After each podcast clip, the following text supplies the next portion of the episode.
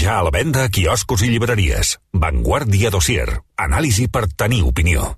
El meu català suma. El meu català suma. El meu català suma. El meu català suma. Al carrer. A classe. A la feina. Al comerç. Al mercat. A les xarxes. De festa. A Barcelona, el teu català suma. Ajuntament de Barcelona. Hola amigos, hoy en Brico Aprendiendo íbamos a hablar de cómo instalar vuestro césped artificial en el jardín, pero hemos pensado que es mejor que llaméis a Césped Solución. Es rápido, fácil y para toda la familia. Césped Solución, césped artificial de fabricación europea, de calidad, con 8 años de garantía y equipo propio de instaladores. Más información en la web céspedsolución.es.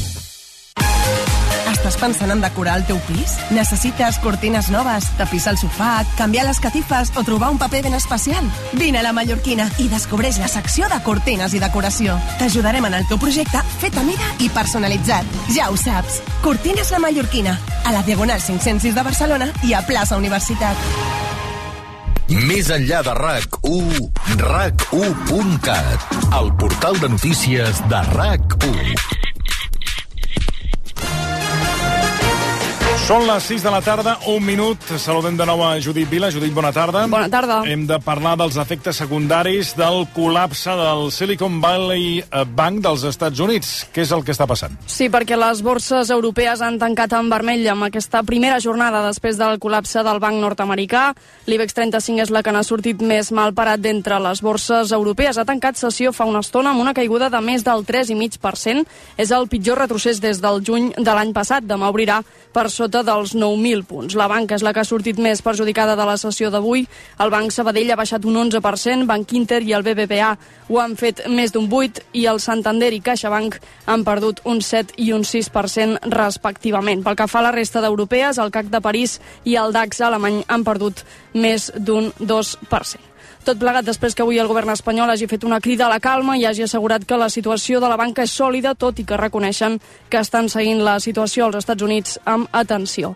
Una altra de les patates calentes que té el govern espanyol damunt la taula ara mateix és la llei de l'habitatge. Doncs bé, precisament avui la vicepresidenta i líder de Podem a l'executiu, Yolanda Díaz, ha anunciat que faran una reunió amb el president Pedro Sánchez per mirar de desencallar la llei que ha de limitar el preu dels lloguers. De moment, però, no ha donat data. Creo que esta es la tarea pendiente. Nos van a juzgar por lo que hagamos y desde luego insto ya eh, desde aquí a que le demos otra buena noticia a nuestros compatriotas y les digamos que llegamos a un acuerdo en materia de viviendas. Díaz n'ha parlat des de Brussel·les abans de participar en la reunió dels ministres de Treball de la Unió Europea. Per ella, la clau és aconseguir una llei ambiciosa que garanteixi un preu que sigui assequible per les persones que viuen de lloguer. Ara mateix les discrepàncies que hi ha entre els dos socis de govern passen per definir on i en quina mesura es pot limitar el preu del lloguer. A casa nostra, tres ajuntaments del Baix Empordà denuncien que el tancament de l'abocador de Solius ha multiplicat els costos de la gestió de la brossa. Ara l'han d'enviar aquestes deixalles fins a Vacarisses, al Vallès Occidental. Per això demanen a la Generalitat que n'assumeixi la factura i l'acusen de precipitar-se amb el tancament de la instal·lació. Girona, Bàrbara Julve. Es tracta de Sant Feliu de Guíxols, Platja d'Aro i Calonja. Els seus alcaldes han carregat contra la Generalitat. Diuen que ha actuat amb improvisació total a l'hora de tancar l'abocador i denuncien que portar les deixalles fins a la planta de Vacarisses, al Vallès Occidental, dispara els sobrecostos fins als 900.000 euros a l'any. Maurici Jiménez és l'alcalde de Platja d'Aro. Òbviament això és un neguit profund. Aquestes dues situacions, una, com hem de cobrir des dels ajuntaments a aquesta diferència de taxa, amb un pressupost ordinari molt tancat i molt tensionat a dia d'avui, com l'haurem de cobrir en un futur, que òbviament ens obligaria a repercutir en el ciutadà aquest increment. Els tres ajuntaments reclamen que sigui l'Agència Catalana de Residus de Catalunya qui es faci càrrec de la hipoteca 30 anys que suposa el manteniment de l'abocador de Solius tancat. També reclamen una reunió al més alt nivell amb la consellera d'Acció Climàtica, Teresa Jordà. I encara un apunt més abans dels esports, dos anys de presó i una multa de 310.000 euros per un home acusat d'estafar una empresa a Tarragona. L'acusat va simular operacions fictícies de compra de material i també va introduir documents falsos durant una dècada. Va arribar a estafar 200.000 euros a través de la seva companyia. El fiscal li demanava inicialment una pena de 8 anys de presó i una multa de més d'un milió d'euros per un delicte continuat d'estafa amb falsedat documental i també un altre de blanqueig de capitals, tant per ell com per les seva dona i la seva filla, que eren sòcies fundadores de l'empresa mercantil. I ara els esports amb l'Albert Ferran. Segons informa el diari El País, la Fiscalia ha demanat al jutge que citi a declarar els exentrenadors del Barça, Ernesto Valverde i Luis Enrique, com a testimonis del cas Negreira, perquè expliquin l'existència dels informes sobre els àrbitres. Una petició que arriba el mateix dia que hem sabut que el Consell Superior d'Esports s'afegirà al Real Madrid i es personarà com a acusació particular, tal com ha anunciat aquest matí el president d'aquest organisme, José Manuel Franco, a Telecinco. D'altra banda, la Lliga ja ha rebut la notificació de la justícia informant de l'aixecament de les mesures cautelars que van permetre al Barça inscriure Gavi com a jugador del primer equip. El club blaugrana va presentar la demanda fora de termini i, per tant, la cautelar queda en suspens per defecte de forma. El Barça, en canvi, defensa que no es va presentar fora de termini i que la decisió del jutge encara no és ferma. D'altra banda, esportivament, Pedri ha estat la principal novetat en l'entrenament de recuperació del Barça després de la victòria d'ahir a Sant Mamés. El Canari ha fet part de treball amb el grup. Tot plegat a l'espera que demà al matí Gerard Piqué passi pel món a rac amb Jordi Basté. Serà la primera entrevista a l'ex central blaugrana des que es va retirar. Abans, aquest vespre, es tancarà la jornada del cap de setmana a la primera, a la primera divisió masculina, la jornada 25a, amb el Girona Atlètic de Madrid a Montilivi a partir de les 9 en directe a RAC1.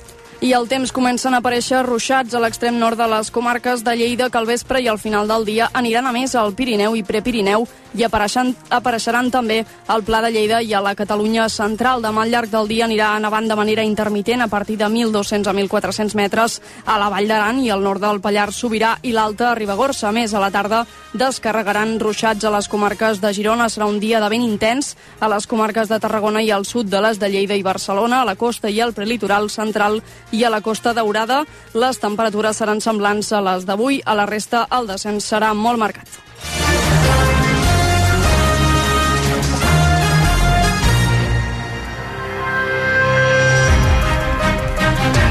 De la tarda, 7 minuts. Eh, en uns moments parlem amb el periodista especialitzat en tecnologia, Albert Cuesta, sobre què està passant a Silicon Valley, perquè, no sé, des de fa temps que pinten bastos, però abans eh, anem amb qüestions positives. Sí, per exemple, cuidar el planeta. Això sempre és positiu. Hem de cuidar el planeta i hem de cuidar de la nostra factura de la llum i, per tant, aquí la solució és Solideo, que és l'empresa de renovables de Catalunya. Sí. Ells us ofereixen la millor solució de plaques fotovoltaiques sí. per casa vostra, tant si viviu en un pis com si viviu en una casa. És igual, és vàlid per tothom. Sí. Estalviareu en la vostra factura de la llum i generareu la vostra pròpia energia. Sí. Ara més que mai, Solideo. Ho heu de fer.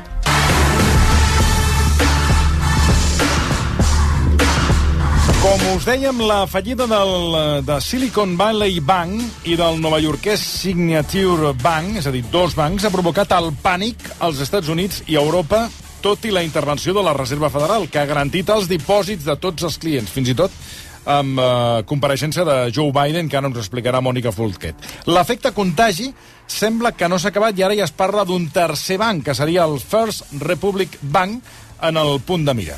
Mònica, a veure, eh, quins, quins han estat els moviments de les autoritats nord-americanes per frenar el que seria aquesta hemorràgia financera? Aquesta crisi que s'ha desencadenat en, en molt pocs dies, de fet ha anat molt ràpid, doncs la Reserva Federal, el Departament del Tresor i la FEDIC, que és la Corporació Federal d'Assegurances de Dipòsits, van acordar ahir garantir els dipòsits a tots els clients i oferir a la resta del sector una línia de préstecs que eviti noves tensions. Ha estat tot un cap de setmana de reunions per presa de decisions decisions justament perquè avui obrien els mercats i per, i, i per prendre decisions abans que això passés. El president dels Estats Units, Joe Biden, ha defensat aquest migdia la intervenció de l'administració i ha assegurat que el sistema bancari és segur. Avui, gràcies a les ràpides accions del govern, els americans poden tenir confiança en que el sistema bancari és segur. Els estalvis estaran garantits quan els necessiteu. Els petits negocis de tot el país que tenen els diners en aquests bancs poden respirar podran pagar els seus treballadors i fer front a les factures. Malgrat aquest missatge, el terratrèmol que afecta la banca regional nord-americana amenaça de provocar un efecte dominó. La fallida de Silicon Valley Bank ha provocat caigudes importants a l'IBEX 35, principalment, clar, al sector de la banca. El Banc Sabadell ha liderat les pèrdues amb una caiguda que ha superat l'11%, però no se n'ha escapat ningú. Al tancament de la sessió, les accions de Banc Santander recollien pèrdues del 7,35% i Bank Inter un 8,54%, les del BBVA un 8,24%, CaixaBank un 6,24% i Unicaja un 7,78%. Bé, ja fa temps que sentim a parlar de, del món de les tecnològiques que han entrat en una esp espiral negativa. Eh, després d'aquest sotrac ara financer, Uh, avui ens preguntàvem uh, bueno, què està passant en el món de les tecnològiques i és per això que saludem el periodista especialitzat en tecnologia, l'Albert Cuesta. Aquí ja podem uh, saludar. Albert, bona tarda. Bona tarda, Toni. Gràcies per acompanyar-nos, Albert. Bueno, la, la primera qüestió és, eh, és la següent. El Silicon Valley Bank té com a principals clients les anomenades startups. L'entitat va anunciar la setmana passada un pla per ampliar capital amb més de 2.000 milions de dòlars perquè estava ja patint importants retirades de fons. Um, què, què, què va passar amb les tecnològiques? Per què la, la, perquè sembla que tot i aquest anunci, doncs eh, els clients del Silicon Valley Bank, que era, repetim, un banc que subministrava bàsicament la financiació a les startups, doncs no s'ho van acabar de creure i va començar el que s'anomena fugida de capital, no? Eh, patien ja pels seus diners o què és el que ha passat aquí? Uh, aviam, el que ha passat aquí uh, uh, uh, heu posat unes declaracions del president Biden al final diu una cosa uh, que, no, que no, la, no la referia a això però jo l'agafo, diu uh, és, el capitalisme és això, nois uh, vull dir que uh, re, realment aquí el que ha passat, jo crec que eh, aquesta rapidesa que deia la Mònica de, de la crisi, d'aquest pànic bancari, és, eh, és perquè aquesta, jo diria que és la primera crisi bancària que passa en temps de xarxes socials. I quan va haver-hi cert, un cert missatge de, diguéssim, d'inseguretat eh, financera dins del, dels cercles d'inversors de Silicon Valley, eh, amb els xats i amb els newsletters i tot això, eh, tots es van eh, apressar a treure, a retirar dipòsits eh, sense que en realitat hi hagués eh, un motiu clar per fer-ho, perquè aviam, el, el, el Silicon Valley Bank és un banc, eh, és el 16è banc eh, dels Estats Units, però vull dir que és un, és un banc que té, aviam, si no recordo malament, té 209.000 milions d'actius, eh, i això és menys del 1% del total de dipòsits que hi ha als Estats Units. Vull dir que en realitat mm, no hi ha cap motiu perquè es produeixi aquest, eh, aquest efecte dominó.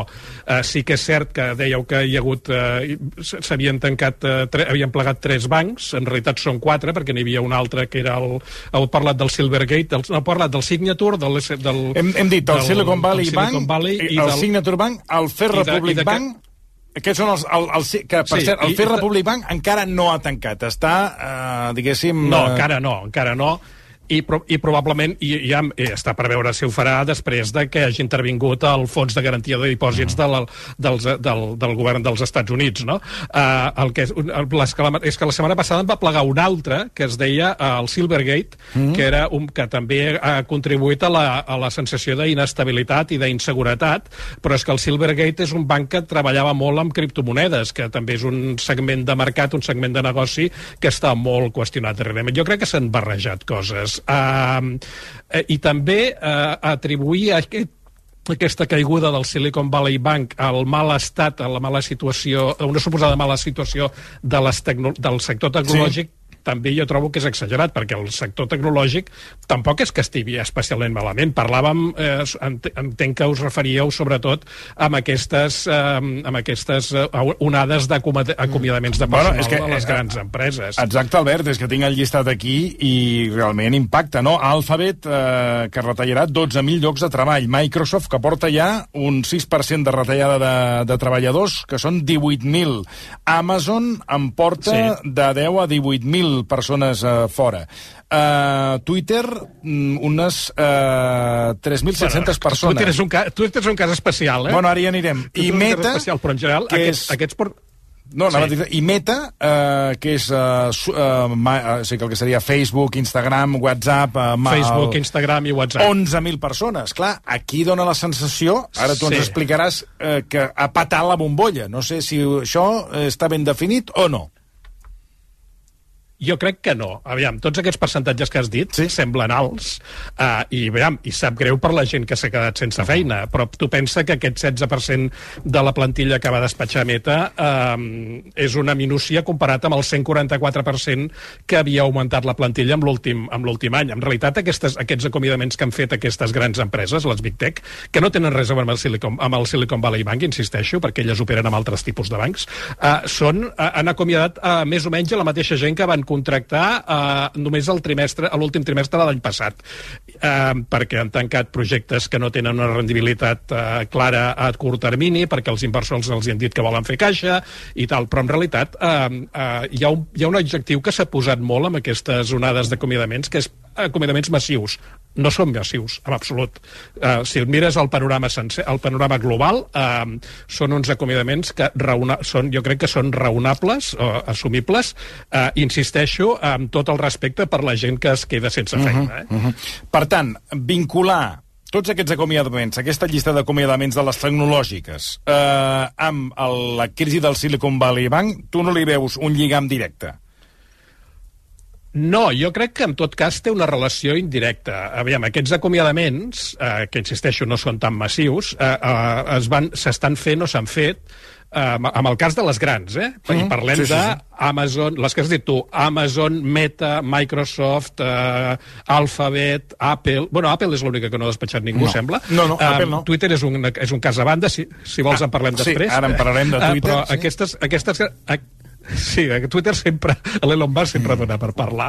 Uh, aquestes grans empreses uh, tenen a, tendeixen a operar amb bancs tradicionals d'àmbit nacional, vull dir, tipus Goldman Sachs, el Bank of America, Citibank, Wells Fargo, JP Morgan, que, que no tenen, que són, són, són negocis bancs, bancaris més tradicionals i que operen amb empreses més grans. Precisament la diferència amb el Silicon Valley Bank és que el Silicon Valley Bank treballa amb empreses uh, petites. El Silicon Valley Bank, perquè ens fem una idea, és quan tu un inversor, tu ets una startup, mm. vas amb un inversor amb un, i els agrada el teu PowerPoint i et posen sí. un taló de 10 milions de dòlars sobre, sobre la taula, que això sembla ser que allà és bastant fàcil, a diferència del que passa aquí, uh, uh, què fas amb aquest taló?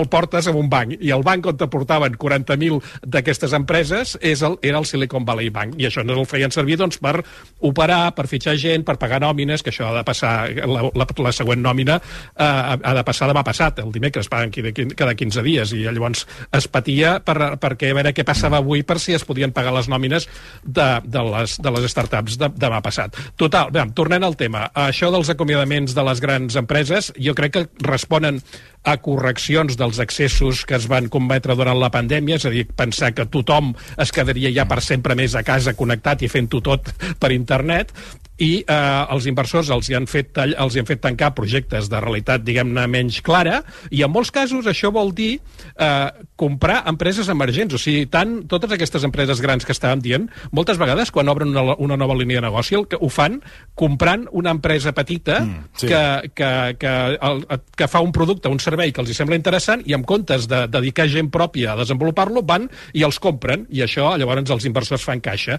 Eh, el que passa amb aquest, amb aquest eh, replegament de les grans eh, tecnològiques és que probablement hi haurà petites tecnològiques emergents que eh, poden que s'hauran d'esperar més per ser, per ser comprades i això sí que vol dir que hi haurà un, un, una frenada, una ralentització d'aquest sector. Mm. A mi el que coses, detalls que m'han cridat l'atenció d'aquest Silicon Valley Bank, que molts, clar, vinculem al mm. que és el Silicon Valley, no? Aquest, aquesta zona de les, de, les, de les grans empreses tecnològiques, és que eh, inicialment... Els garatges tecnològics. Exacte. Inicialment les autoritats van informar que els diners dels clients amb eh, fins a 250.000 dòlars de dipòsits estaven protegits. Però sembla ser que el 90... No, que clar, el 96% dels clients tenien més diners que 250.000 dòlars. I això encara va generar més pànic perquè mm, els que havien invertit els diners deien, o sigui, mm, només ens asseguren 250.000. Que clar, això és eh, sí. comparativament amb d'altres bancs, quan aquí s'han assegurat, eh, per exemple, 50.000 o 100.000 100 100 euros, doncs clar, eh, que 250.000 dòlars la mitjana sigui de tots els que tenien tots els dipositants més del 96%, doncs això demostra el volum i el pes que tenia de gent amb, amb molts calés al Silicon Valley Bank, no? Sí, el que passa és que eh, jo he fet els números, això, eh, el, el compte de la vella. Eh? Sí. O sigui, si el, si, si el Silicon Valley Bank té dos, tenia 209.000 milions de, amb, de dòlars en dipòsits i tenia 40.000 eh, 40 clients, eh, jo més o menys em surta, si no m'he equivocat a l'hora de fer les, els càlculs, em surt que cada un d'aquests 40.000 clients tenia un promís de 5 milions de, de, de dòlars eh, eh, dipositats allà. És clar, si 5, 5 milions de dòlars contra 250.000 dòlars són, són pocs, llavors, clar, eh, eh, eh, exacte, hi ha de venir el senyor Estat eh, a, a, a, garantir, a garantir els dipòsits. Em sembla interessant, eh, ara abans parlaves tu del fons de garantia de dipòsits d'aquí, eh, que ja, ja hi ha qui està comparant aquest, això amb el rescat, banca, amb el rescat bancari d'aquí de, de l'Estat, no? Eh, a, a mi em sembla interessant una cosa que ha dit Biden, que és que els accionistes i els directius de Silicon Valley Bank i dels altres, eh, amb aquests no se'ls rescata. Vull dir que els, les entitats eh, hauran de tancar o ser, o ser comprades, però que els accionistes no s'aprofitaran dels diners públics, dels diners dels, dels, dels contribuents, cosa que eh, entenc que aquí, eh, aquí a l'Estat sí que va passar. Parlaves de... eh, Hem, hem fet referència a tot aquest seguit d'empreses, de tots aquests acomiadaments, que ens quedem amb la lectura de que són, eh, són molt grans, però eh, tu mateix ens explicaves que que doncs, eh, són relatius en funció del que van arribar a incrementar les seves plantilles en època de bonança. Eh, deies que Twitter eh, és un món a part. Eh, Twitter a dia d'avui, on, on som? Perquè ja ens hem perdut amb un Elon Musk eh, que cada dia ens sorprèn. Eh, on és ara mateix aquesta, aquesta xarxa social? Home, aquest uh, uh, Twitter uh, hem de dir que continua funcionant. Sí, sí, sí, no, no, això està clar. Continuem uh, fent-la fent, fent servir. El que sí és cert és que té un funcionament menys, diguem-ne, estable del que havia tingut en el seu moment. Vull dir, en Musk, amb la, a l'hora de comprar-la al mes de novembre, doncs s'ha llançat a despatxar gent per reduir despeses i a intentar i a, i a retallar funcions, incorporar-ne de noves que, pre- que, pretén, que pretenen ingressar eh, diners, no? Um, Aviam, Twitter està en una situació inestable. Uh, jo crec que mentre es duri els que la fem servir, uh, l'hem de continuar, la podem continuar fent servir. El que, no és, el que em sembla una mala, una mala, diguéssim, una mala mostra de la capacitat uh, de gestió d'Elon Musk, el malament que està funcionant Twitter en els últims mesos, des de primers d'any, Twitter ha caigut sis vegades. Vull dir, eh, això no havia passat mai. No sé si els usuaris més veterans de Twitter recordaran aquell, aquella imatge d'una balena que sortia quan Twitter estava saturat. Mm. Eh, eh, ara, i Twitter ja no la fa servir, aquella balena, però la podria haver fet servir sis cops aquest, amb el que portem d'any. Eh, I això, eh, jo crec que... mm, d'alguna manera eh, desacredita Musk per fer afirmacions com, com la que ha fet, eh, crec recordar que em sembla aquest cap de setmana, al seu Twitter, quan algú li va dir, algun dels seus fans, que en té 110 milions, eh, li va dir, escolta, per què no compres tu el, el, el Silicon Valley Bank? I va dir, ah, doncs mira, ja m'ho pensaré. Jo crec que Elon Musk ja té prou feina per justificar-se davant dels seus inversors eh, el que està fent amb Twitter després d'haver pagat 40.000 44.000 milions de dòlars, perquè en realitat els diners que Elon Musk va fer servir per comprar Twitter tampoc eren seus. Eh? Vull dir que això és una mica el que... Jo, el, el, la veritat és que eh, el sector aquest, eh, el mercat financer, jo crec que no es, va- moltes vegades, en la majoria dels casos, no es belluga per, per a criteris que a la, a la, a, als humans normals ens semblen racionals. No? Deixa'm fer-te una... Un, un, un, un, no, no, perdona, dis, di- acaba, acaba, perdona. No, no, t'anava a dir que, que aviam, amb el cas de Silicon Valley Bank, Sí. hi ha un, tornant a, a aquest Sí, sí, cas, eh, és, un banc, és un banc regional que té un negoci relativament poc diversificat, o sigui, té 40, 40 anys de vida, que ve ser més o menys el, el, el temps que existeix Silicon Valley com a tal, vull dir que quan han començat a néixer empreses emergents que després s'han convertit en gegants i tal, però eh, si el compares amb els grans bancs de- d'abast eh, eh, nacional dels Estats Units, o fins i tot amb els d'aquí, és molt diferent. No sé, per exemple, els bancs d'aquí, eh, que- de, de fet, o, o les, les empreses aquestes emergents, les startups americanes, deien, home, és que eh, hem treballat molt amb el Silicon Bank, eh, Valley Bank ens ha ajudat molt perquè era molt més fàcil aconseguir treballar amb ells que amb un dels gegants eh, de Nova York, diguéssim, de Wall Street, no? Um, això aquí també passa. Pensa que, però els, els bancs eh, tradicionals, eh, Sí. el de Sabadell, el BBVA, eh, CaixaBank, um, ja han començat a crear divisions específiques per treballar amb startups. Tu ara, al Congrés de Mòbils últim, mm. anaves a l'àrea aquella, al Four Years From Now, que és l'àrea de, les empreses emergents, i els estan més grossos, més grans, eh, més importants, més visibles, eren els, de, els, d'aquests bancs intentant captar eh, empreses emergents que treballessin amb ells, inclús fins i tot oferint-los eh, finançament.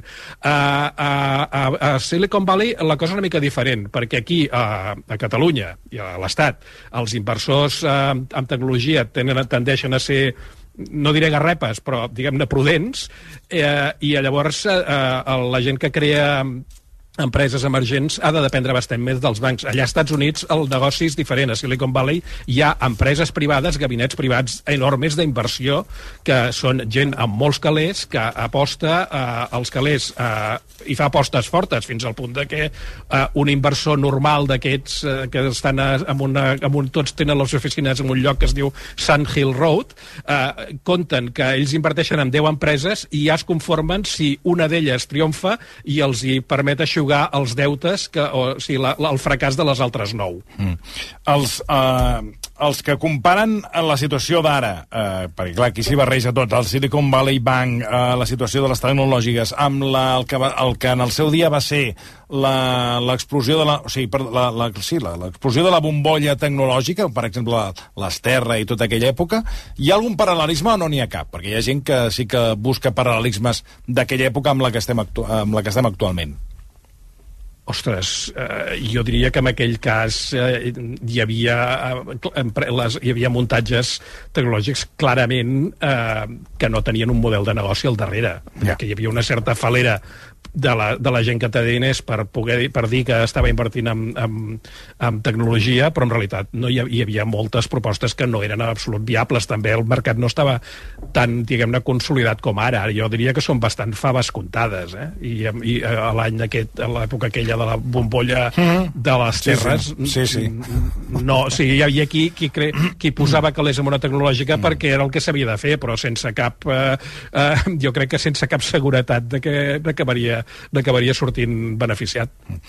Albert Cuesta, moltíssimes gràcies per eh, acompanyar-nos aquesta tarda i per posar llum a, en fi, a tot el que és el món tecnològic. Una abraçada. Fins una altra, Toni. Gràcies, bona tarda. L'Albert Cuesta, periodista especialitzat en tecnologia. Fem una pausa i arriba Montse Vidal. Quines propostes musicals ens porta avui Montse Vidal? Una pista. Sant Patrici.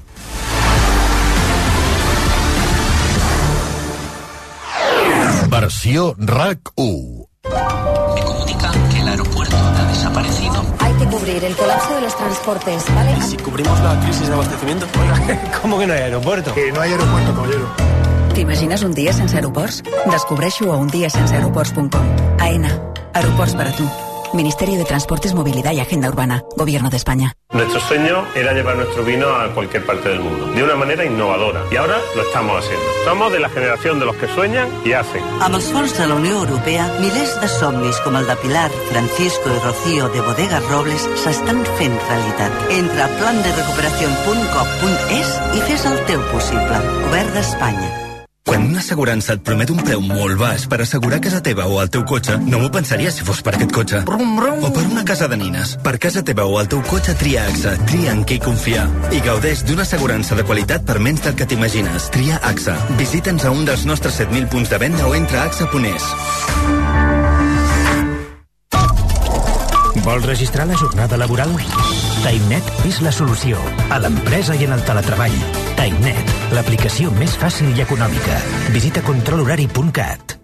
Marta, què et passa? És que el Marc ha tornat a suspendre i ja no sé com ajudar-lo. Nosaltres estàvem igual que tu i ens van recomanar profe.com. Des d'aleshores la Marina està motivada i ha millorat molt. Profe.com? Sí, tenen professorat qualificat amb classes online, personalitzades, adaptables als teus horaris i per totes les assignatures. La primera classe és gratuïta. Doncs ara entro a profe.com. Blanca, que bé que et veig. Vinc de Naturhaus. He perdut 4 quilos. Sí, jo també vull. Què haig de fer? Acompanya'm o busca el teu centre Naturhaus més proper i demana-hi cita. Totes les consultes d'assessorament dietètic i seguiment setmanal són gratis. I a més, ho pots fer des de casa. Entra a naturhaus.es o truca al 902 15 14 14. Ho sento, necessito més espai. Ho entens, oi? Allà et cuidaran molt bé i et trobaran una nova família. Són de confiança. Són d'aquí. Comprem el seu cotxe.cat. Taxació online gratuïta. Millorem la valoració que et faci el concessionari. Paguem al comptat en menys de 30 minuts. Comprem el seu cotxe.cat. Som de confiança. Som d'aquí. Versió RAC 1 amb Toni Clapés.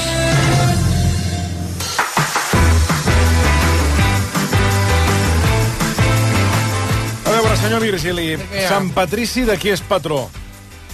És de la Irlanda. Molt de bé, la Irlanda. molt bé. Premi per al senyor I Virgili. va bé contra les serps perquè va, va expulsar totes les serps de, de la Irlanda, Bueno, va doncs. treure tots els serps, i Mhm. si tu tens alguna serp que, que et molesta, No, que serps no seria la... Bueno, a veure, A Madrid n'hi ha moltes. Ara. Moltes. Ara, I no paren, i no paren de mossegar i deixar, anar, i deixar anar verí. Serpotes. Vol dir, ja va venir Sant Patrici a fer neteja. Ara. Doncs eh, de Sant Patrici, del patró d'Irlanda, una festivitat molt seguida a nivell mundial, en què es commemora, com deia, la mort de, la, de Sant Patrici, i que és, eh, en aquest cas, ret un homenatge a les costums irlandeses. Eh, tot seguit ens ho aproximarà Montse Vidal. Montse, bona tarda. Molt bona tarda, bona tarda. Això de les serps no ho sabia. Sí, no, no ho sabia jo. Que està ple a Madrid? Ui, tant. Madrid està ple, està ple. Però, però escolta, una, Dolentes. to una toca No, l'altra. no, no només a Madrid, eh? A Sí, tot aquí arreu. també, No, aquesta ràdio no, unes també. quantes. Home. Més a Madrid. Aquesta ràdio està ple, també. Bé, com dèiem, eh, relacionem Irlanda amb moltes coses, amb el color verd, amb els trèvols, amb les llegendes místiques i, per descomptat, també amb la música, perquè és un país on la música està molt arrelada, com sabeu, doncs, a tots els nivells, a nivell cultural, a nivell social, professional, acadèmic.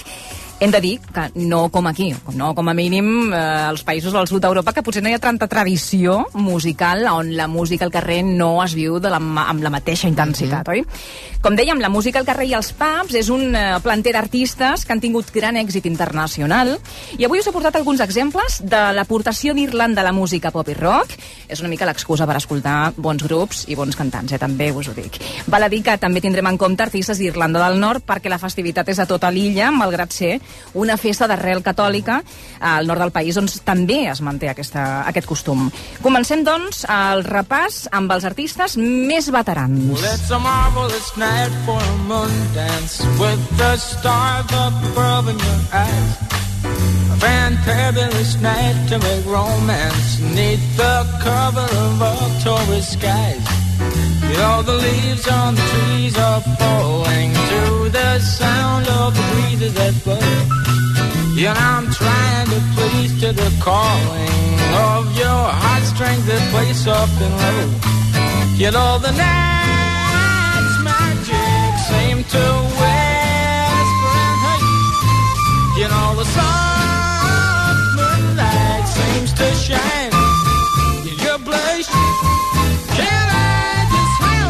Inconfusible, la veu de Van Morrison, aquest músic nord-irlandès que encara està en actiu, als seus 77 Fa poc anys. ha tret un, Ah, un això, nou disc, un que no nou para, disc no para. que no para, sí, sí, correcte. El disc eh, 49è disc publicat eh, de la seva carrera Imagina't. fa pocs dies, amb una llau de premis i reconeixements al llarg de la seva trajectòria, i amb una gran aportació a la música, la seva manera de fusionar diferents estils, aquesta veu tan inconfusible, i eh, les seves primeres influències venen del jazz, del blues, del country, però clar, com comença un nen que viu a Belfast als anys 50 a, a Belfast a interessar-se per la música estrangera amb aquests estils, el blues, el jazz, etc. Doncs per la col·lecció de discos del seu pare. Ah, veus?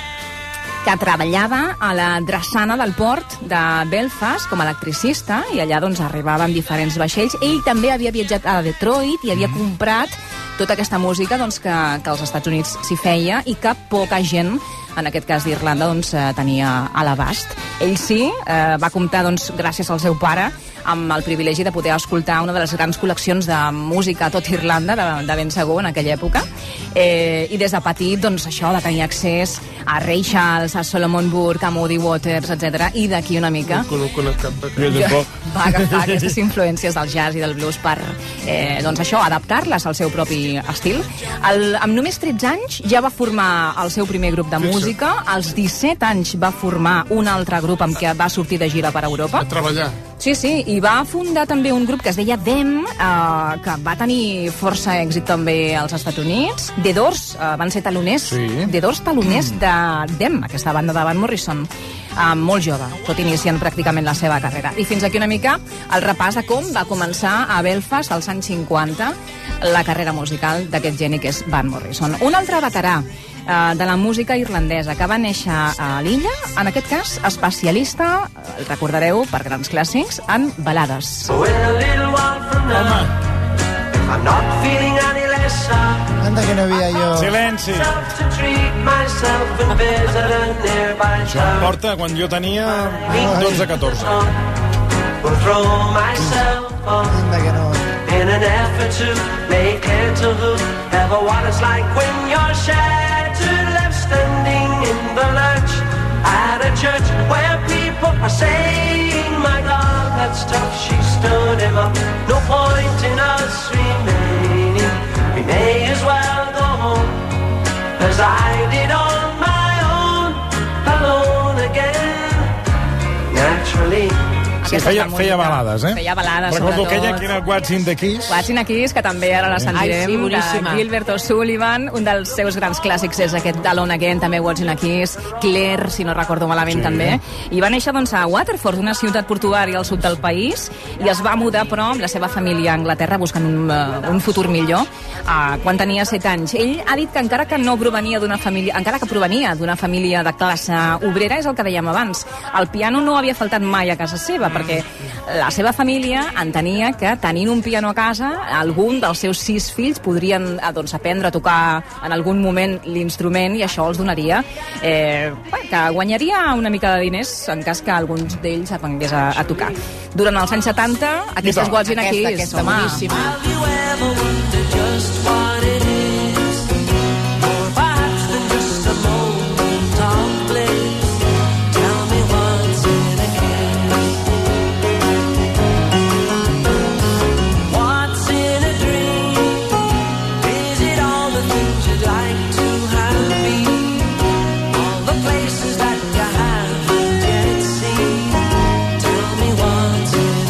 Quan tenia aproximadament 10 anys va començar a rebre classes de, de piano, però les va deixar, es va cansar i va decidir aprendre de manera autodidacta i per això tenia una manera especial de prémer doncs, el, el teclat. Exacte. Uh, bé, una mica potser poc teòric, però mm. l'èxit està bé, uh, més que reconegudíssim. Durant els anys 70, sobretot, va editar àlbums de força èxit i des d'aleshores no ha parat tampoc de treure discos. El que passa és que el tenim una mica oblidat perquè no és els artistes que generen més actualitat. L'any passat, sense anar més lluny, va publicar el seu... Bueno, perquè no, no, no, no canta com Quevedo, per exemple. No. Pues no, hombre, pues que es mucho mejor que Bedo, com que no, tete. no, com que no sincronitza la boca. Este de Vocalitza quédate. massa, no? El següent músic, també irlandès, Bob Geldof, destaca per la seva aportació a la música, també com a activista, com a músic i líder d'aquesta banda, anomenada Boomtown Rats. the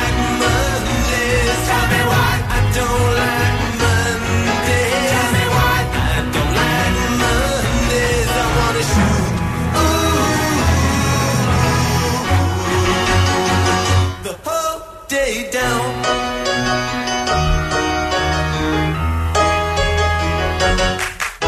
The text machine is kept so clean and it types to a waging word.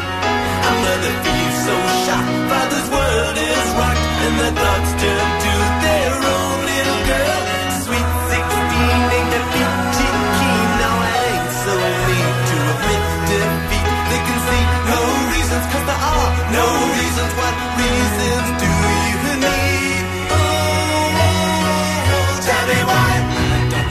Boomtown Rats, que es van fer coneguts mundialment per aquesta cançó, I Don't Like Mondays, inspirat en el macabre tiroteig perpetrat, perpetrat per una nena de 16 anys a una escola californiana, on van morir dos adults i va ferir varis nens. Bob Ostres, no sabia Geldof- que estava inspirat en això, aquesta Sí, cançó. de fet, es va inspirar en això perquè Bob Geldof, quan va llegir la notícia, va sentir que els periodistes li preguntaven a la nena, ja un cop detinguda, uh, però per què ho has fet? Tell me why, no? És el que es repeteix Sí. també al llarg de la cançó, i la nena simplement va dir que no m'agraden els dilluns i que això li va donar una mica de vida a la setmana. Per tant, aquest absurd, aquest absurd, aquesta absurditat, aquest motiu tan injustificat és el que va cridar l'atenció de Bob Geldof i va doncs, fer aquesta cançó amb el títol precisament de la frase que va dir la nena I don't like Mondays.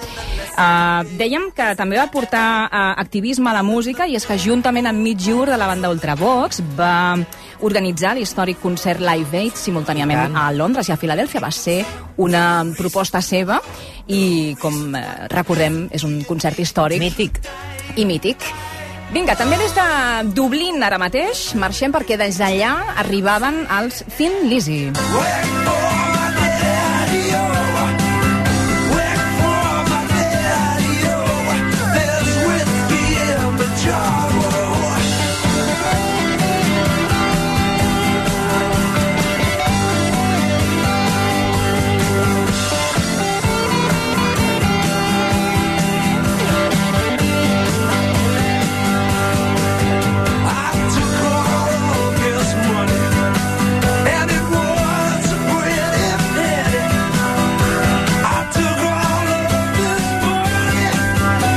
aquest cas és una banda de rock que va estar en actiu des del 71 fins al 83, que barrejava diferents estils musicals, com ara el blues, el rock, amb una marcada...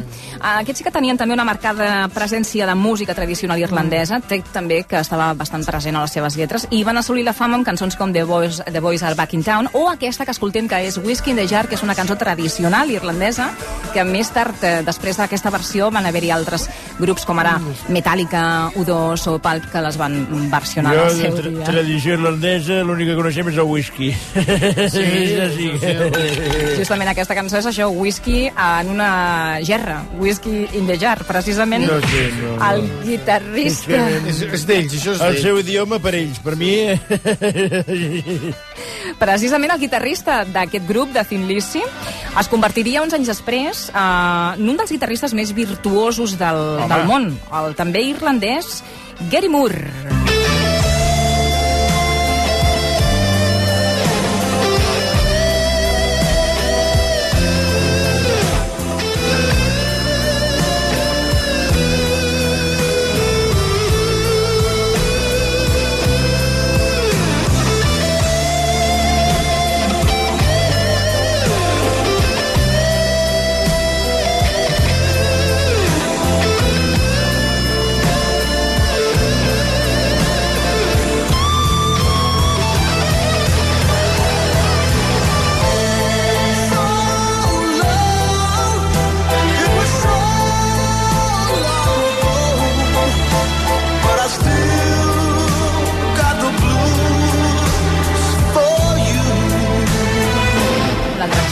Nen irlandès eh, precoç amb la guitarra, aprenent a tocar ell sol, autodidacta, orientat primerament, com veiem, amb Thin Lizzy al rock i el hard rock, va evolucionar després cap al blues, com podem sentir en aquesta gran balada, publicada l'any 90 i que donava títol al seu àlbum Still Got the Blues, amb què es va obrir a un ventall més ampli de públic i va també doncs, arribar a més països. Es va gravar, a més a més, aquesta cançó amb una sola presa. És a dir... A la primera, vinga, a la i fuera. primera, només van afinar un parell de coses i així va quedar. La propera cantant té el rècord de l'àlbum més venut a la història a Irlanda.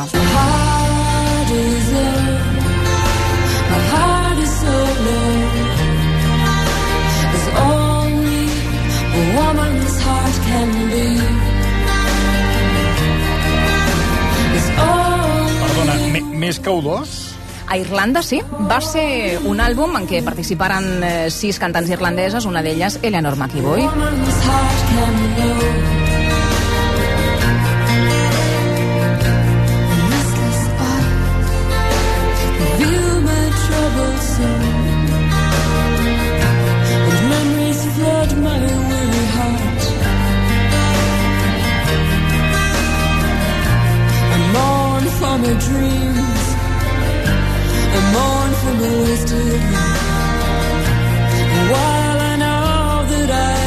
survive. Aquesta Woman's Heart donava títol a aquest àlbum, com dèiem, eh, editat, gravat per sis dones irlandeses, una d'elles Eleanor McEvoy, una artista, una cantautora que va començar a tocar el piano als 4 anys, el violí als 8 anys, i va ser descoberta, doncs, com molts artistes a Irlanda, tocant a un pub de Dublín, i aquesta cançó es convertiria, doncs, poc després, en un fenomen assolint aquest rècord a Irlanda, com dèiem. El següent grup també va ser descobert mentre actuava a un pub de la capital irlandesa. Come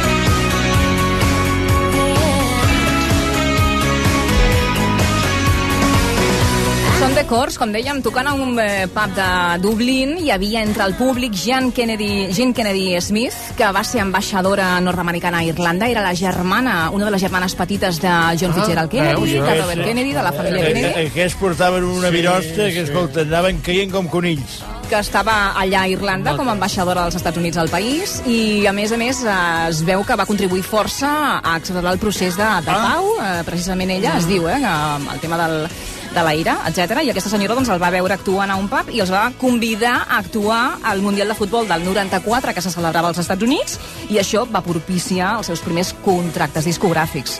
La tradició musical inculcada a la canalla de la casa, aquests eh, germans, els germans Cor, quatre germans, doncs, també va contribuir doncs, que des de ben petits doncs, ja tinguessin accés a la música. I els nostres oients que estan gaudint, com sempre, molt amb les músiques que estàs, que estàs posant. Ara farem l'enllaç de Spotify amb tot el llistat de cançons per si les voleu escoltar. I el Xavi Sastre que ens comenta Eleanor McVoy, la vaig descobrir, aquesta cançó que hem escoltat abans, perquè sonava el mític Pasta Gansa del Mikimoto. Home, va ser tot un èxit. No només aquí, sí, sí. Va És ser... molt bonica, aquesta cançó és molt bonica. És que la gent viatja, diu, clar, ara, Sí. per exemple, Santiago ens diu és que estic viatjant a la meva adolescència. Vete És el que aconsegueixes sí, sí. amb aquestes cançons portar-nos molts records.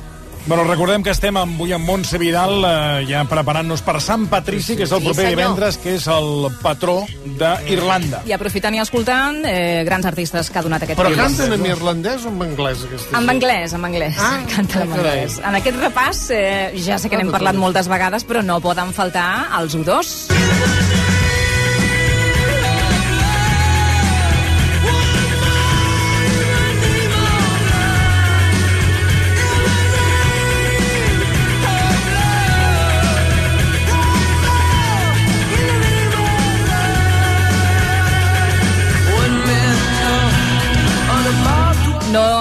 Resumiré la carrera dels U2 perquè el seu llegat és inabastable, però només us diré que és la banda que més Grammys ha guanyat, 22 Grammy, eh, portant la bandera d'Irlanda doncs, eh, per tot arreu. 15 àlbums publicats és el seu debut Boy el 1980 i l'últim disc que publicaran... Però 15 només aquests? Mana?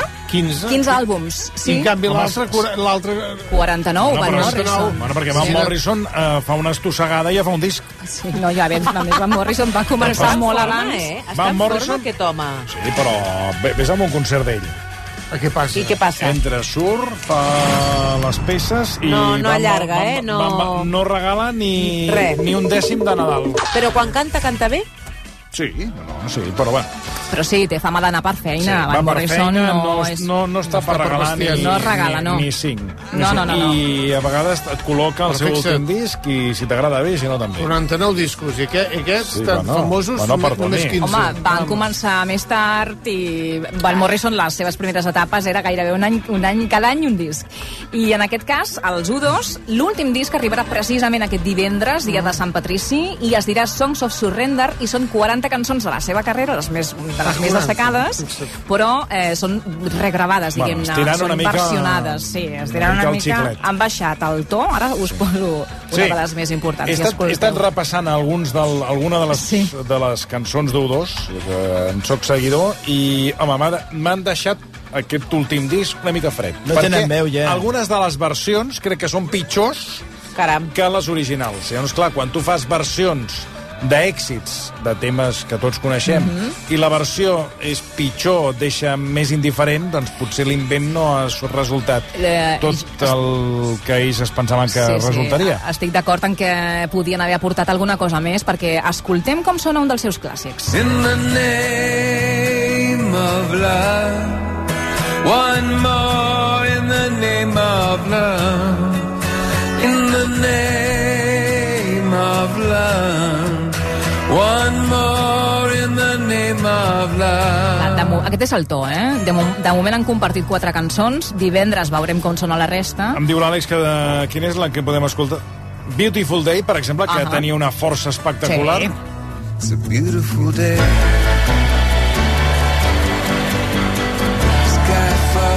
Com diu Montse Vidal, més tranquils. Li han tret elements, li han tret producció, han baixat uh, l'octava de, del to de veu, també.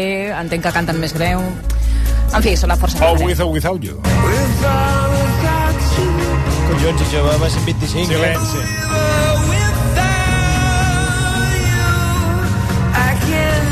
Una mica amb síndrome Miguel Bosé. Bueno, Anem no, ara...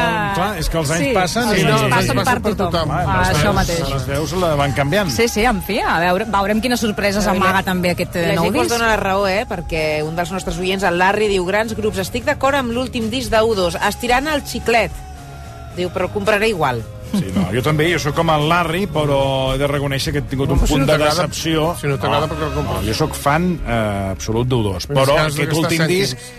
Bueno, eh, me l'he estat escoltant... He escoltat les quatre cançons que hi ha i m'han deixat una mica...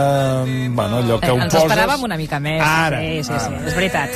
Va, anem ara amb un grup que, malgrat haver-se fundat a Escòcia, alguns dels membres eren irlandesos i també han tingut durant força temps seu a Dublín, on van enregistrar una de les seves cançons més mítiques.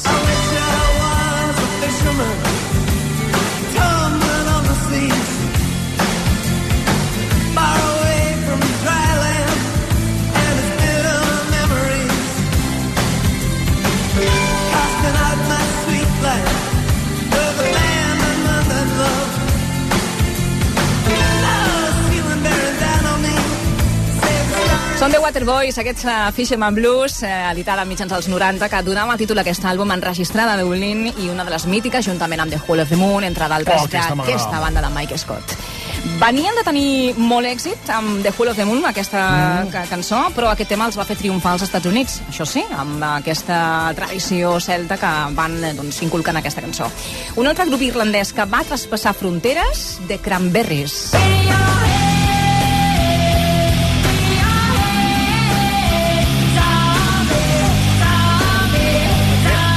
Aquests em posaven una mica nerviosos. A mi m'encantaven. A més, recordo el videoclip de Zombie. Clar, als anys 90 van ser seus. Sí, sí. Sobretot amb aquesta cançó, dels nervis, però absoluts. Es van fundar a Limerick el, el 89 i un any després Dolores O'Riordan, la veu inconfusible d'aquesta banda, doncs, que cantava des de petita, que tocava varis instruments, es va afegir al grup amb 19 anys i de seguida van captar l'atenció del públic i van signar un contracte amb la discogràfica que precisament tenia també en catàleg els U2. Això els va portar a talonejar grups als Estats Units i van aconseguir doncs, eh, doncs, obrir fronteres. Van tenir molts èxits durant els 90, especialment gràcies en part a aquesta veu especial de la Dolores O'Riordan, que per cert ara fa poc va fer 5 anys que, que va morir. I una de les seves influències, també amb la manera de cantar, segons va afirmar ella mateixa algunes entrevistes, va ser la també irlandesa Sinead O'Connor.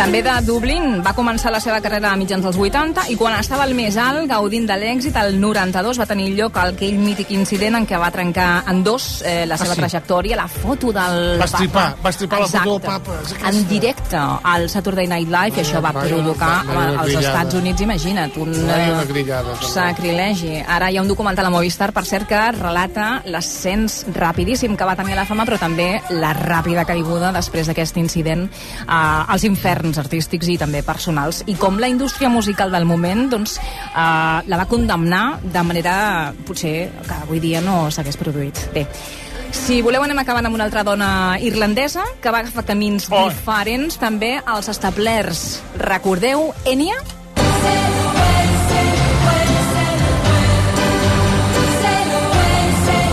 música més escoltada, la cantant més escoltada, als ascensors i, uh, I els en una programes- època als restaurants. I els programes de tarot. No la vas acabar cansant? No vas acabar Oh, cansant? És que era Se lo- tot se lo arreu. hue- els fils se lo- telefònics. I vinga, sí, i a i més a més va tenir alguna de les, de les seves cançons que va ser molt reproduïda durant aquesta, aquesta Sí. durant els atemptats de l'11 de setembre. No paraven de passar a les televisions. Sí, però el que deia Sebastià. Darbó, eh? molt utilitzada Sí. per los videntes i los tarotistes. Sí, eh? llama Sempre. ahora. Totalment, totalment. Te atiende... Llama, llama. Li hem de reconèixer la innovació vainilla. perquè Sí, aquestes reverberacions i aquestes eh, capes... Sí, aquest punt esotèric, aquesta, la New Age, no?, que, que se'n va dir, que també van haver-hi altres representants, com eh, una banda que es deia Enigma, o fins i tot un artista gallec, si no recordo malament, que es deia Evia. Va haver-hi Sí, un temps, eh, durant els també. 90, que no paraven de sorgir, doncs això, no?, cançons New Age que tenien aquest estil. No sé si tenim temps per alguna més. Va, una més. Una dale. més, va, vinga, d'època més recents. Eh, un artista que va triomfar tant amb la seva banda Boyzone com en solitari, Ronan Keating. Let's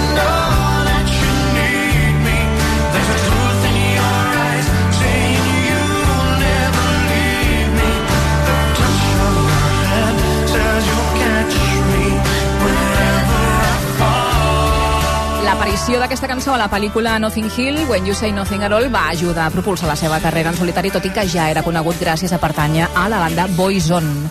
Dins el gènere de la cançó d'autor més actual també trobem altres eh, referents irlandesos i un exemple és aquesta gran veu, la de Damien Rice. So it is just like you said it should be. També de la pel·lícula Closer, aquesta de Blowers Dozer, que per cert actuarà Damien Rice al Festival de Cap Roig enguany, que fa poc eh, s'ha presentat al cartell, Ah. i ell estarà present. No pot faltar en aquest context de cantautors Glenn Hansard, que coneixíem fa uns anys amb la pel·lícula Once i aquest tema principal.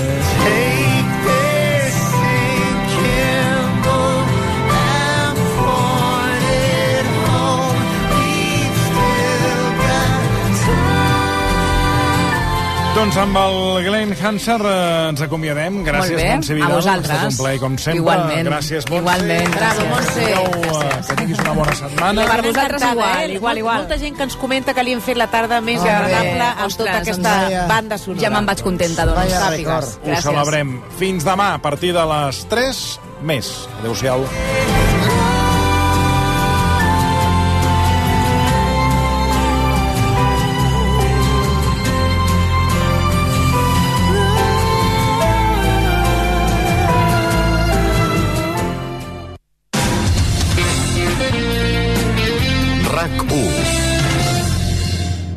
Quan arriba el bon temps, la terrassa és el nostre oasi particular. A Catalana de Toldos us ajudem a cuidar-la. Pèrgoles, tendals, veles i una àmplia selecció de models d'estructures resistents i de disseny i teixits d'alta eficiència tèrmica i ambiental. Catalana de Toldos, a Barcelona a la Gran Via 478 entre Viladomat i Calàbria. catalanadetoldos.cat La Sagrada Família no porta ni set fons Miele en obres, tant que es diu. Els electrodomèstics Miele duren tant que sembla que altres coses duren moltíssim menys. Descobreix els electrodomèstics dissenyats per durar 20 anys a distribuïdors oficials i a la botiga Miele a Via Augusta 24. El cap de setmana del 18 i 19 de març, onzena edició del Mercat de l'Olla de Caldes de Montbui. Degustació de gastronomia termal cuinada en una olla grossa, la més grossa de Catalunya. Passeja pel centre històric de Caldes de Montbui entre parades i activitats per a tota la família. Una nada d'olla grossa, molt grossa. Més informació visiteu caldes.cat. Caldes de Montbui, el poble que vull. Busques una escola que se centri en l'alumne i el seu desenvolupament? A la Salle Bonanova hi trobaràs atenció personalitzada i un estil pedagògic innovador i canviant que posa la tecnologia al servei de la pedagogia i on l'esport, la música, la dansa i els idiomes hi juguen un paper fonamental. Aprendre, descobrir, cuidar-se, emocionar-se, somriure... La Salle Bonanova. Som el seu somriure. Preinscripció oberta fins al 20 de març. Pilota. Finestra. Com nova. És molt senzill assegurar-se amb el Betia. Simple, clar, el Betia. Hola amigos, hoy en Brico Aprendiendo íbamos a hablar de cómo instalar vuestro césped artificial en el jardín, pero hemos pensado que es mejor que llaméis a Césped Solución. Es rápido, fácil y para toda la familia. Césped Solución. Césped artificial de fabricación europea, de calidad, con 8 años de garantía y equipo propio de instaladores. Más información en la web céspedsolución.es. No deixis escapar el BMW Mini o BMW Motorrad dels teus somnis els dies fora estoc de Motor Múnich. Vehicles en estoc amb condicions irrepetibles només fins al 31 de març. I emporta't ara amb el teu nou cotxe o moto un bagul de regal. Informa't a Motor Múnich, a Sabadell, Terrassa, Sant Cugat i Vilanova i la Geltrú i Motor Múnich Cadí, a Manresa i Vic. Què fas per Setmana Santa? Una escapada rural? Viatges amb la família o t'escapes amb amics? Vols gaudir de l'aire lliure i l'enoturisme? No cal triar. Al Penedès pots fer de tot. Descobreix espais únics, visita cellers, passeja entre vinyes i desconnecta als wine bars. Reserva d'activitats i idees per la teva escapada a penedesturisme.cat. Atenció, Ocasión Plus obre botiga a Lliçà de Vall. La nostra quarta botiga a Barcelona. I per celebrar-ho, llancem la baixada de preus més gran de la història. 5.000 cotxes amb descomptes de fins al 40%. Tan sols fins a final de mes. Ocasión Plus, ara a Lliçà de Vall. Avinguda Puigcerdà 14, a Terrassa i Mataró i a ocasionplus.com. Obert cada dissabte matí i tarda. Qui ha decidit que la tecnologia ha de servir per mantenir-nos immòbils? Amb la gamma SUV de Kia, la tecnologia et mou. Aprofita les condicions especials fins al 20 de març. Consulta les condicions a kia.com. Descobreix la gamma SUV a la xarxa Kia de la província de Barcelona. Kia. Movement that inspires. Escoltes la ràdio al taxi? Vols guanyar més diners? Doncs apuja el volum perquè aquest anunci t'interessa. Registra't avui com a conductor a uber.com i condueix sense comissió fins al 31 de maig. Accedeix a més clients i guanya més diners amb el teu taxi. Uber. Súbete. S'hi apliquen condicions.